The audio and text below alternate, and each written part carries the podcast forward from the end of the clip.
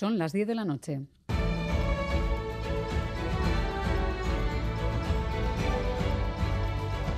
Radio Euskadi y Radio Vitoria. Servicios informativos.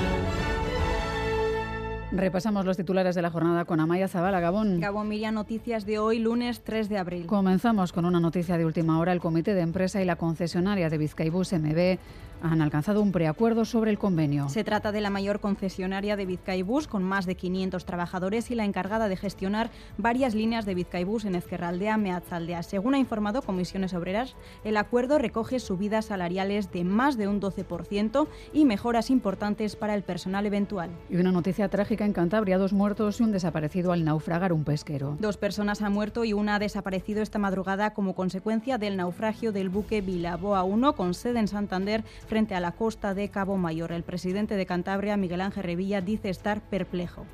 Ni llevaba carga, puesto que iba a faenar y la mar hoy está muy buena. ¿Cómo ha llegado a llenarse el barco de agua y además que ocurra en tan poco tiempo? No sé, algo ha fallado y habrá que esperar a ver.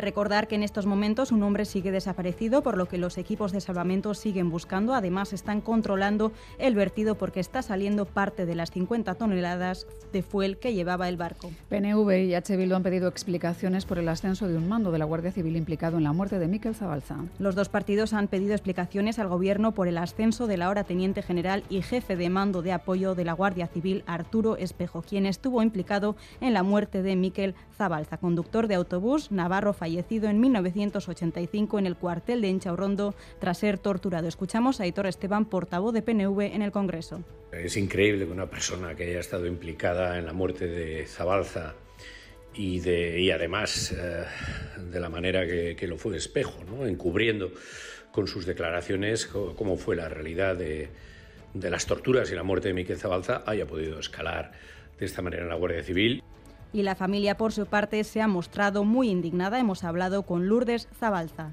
Es un, una, una gran burla para nosotros. Bueno, la gente se queja de los onguietorris que se hacen a, algunos presos, que es eh, indecente contra las víctimas, así. Pues es una cosa similar. La buena noticia del día, por primera vez en tres años no hay pacientes con COVID en la SUCI de Osakidecha. Los hospitales de Euskadi no registran ningún paciente con COVID-19 en sus unidades de cuidados intensivos por primera vez desde que se comenzó la pandemia del coronavirus. Gozones Agardoy, consejera de Salud del Gobierno vasco. La evolución se ve con una mayor esperanza y espero, sobre todo, que esto sea un paso más en ese fin de esta pandemia o al menos en la pérdida de vidas. No obstante, tres personas han fallecido esta última semana a causa de esta enfermedad, por lo que ascienden a 8.543 las personas muertas por coronavirus en Euskadi. En página internacional, Donald Trump acaba de aterrizar en Nueva York para afrontar su imputación por soborno a la actriz Stormy Daniels. Pasará la noche en la ciudad y mañana por la mañana se entregará en la Fiscalía. Luego pasará ante el juez que le informará de los cargos en su contra, quien sigue en secreto hasta mañana. Finlandia se convertirá mañana en miembro de pleno derecho de la OTAN. La ceremonia coincidirá con el 74 aniversario del nacimiento de la alianza a la que el país nórdico se adherirá tras la victoria del Partido Conservador en sus comicios electorales. Así lo anunciaba Jens Stoltenberg. This is a historic week. Tomorrow we will um, welcome Finland uh, as the 31st member of uh, NATO.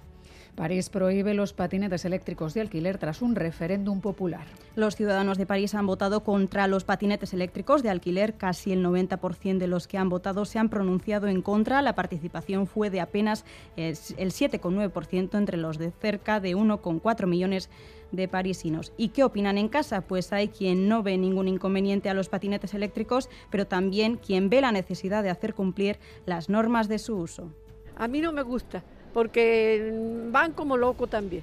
Y una acera pequeña y eh, no me gusta. Como hay carriles para bicicleta, tenía que haber también para patines, y no, está habiendo muchos accidentes porque va... Uh... Uste dut beste mugitako erabat dala, eta zergatik ez, ez diot ikusten ondo erabilita, ez diot ikusten arazorik. Sí que visto... Así terminamos. Más noticias en una hora y en todo momento en itv.eus y en la aplicación ITV Albisteac. Gero arte.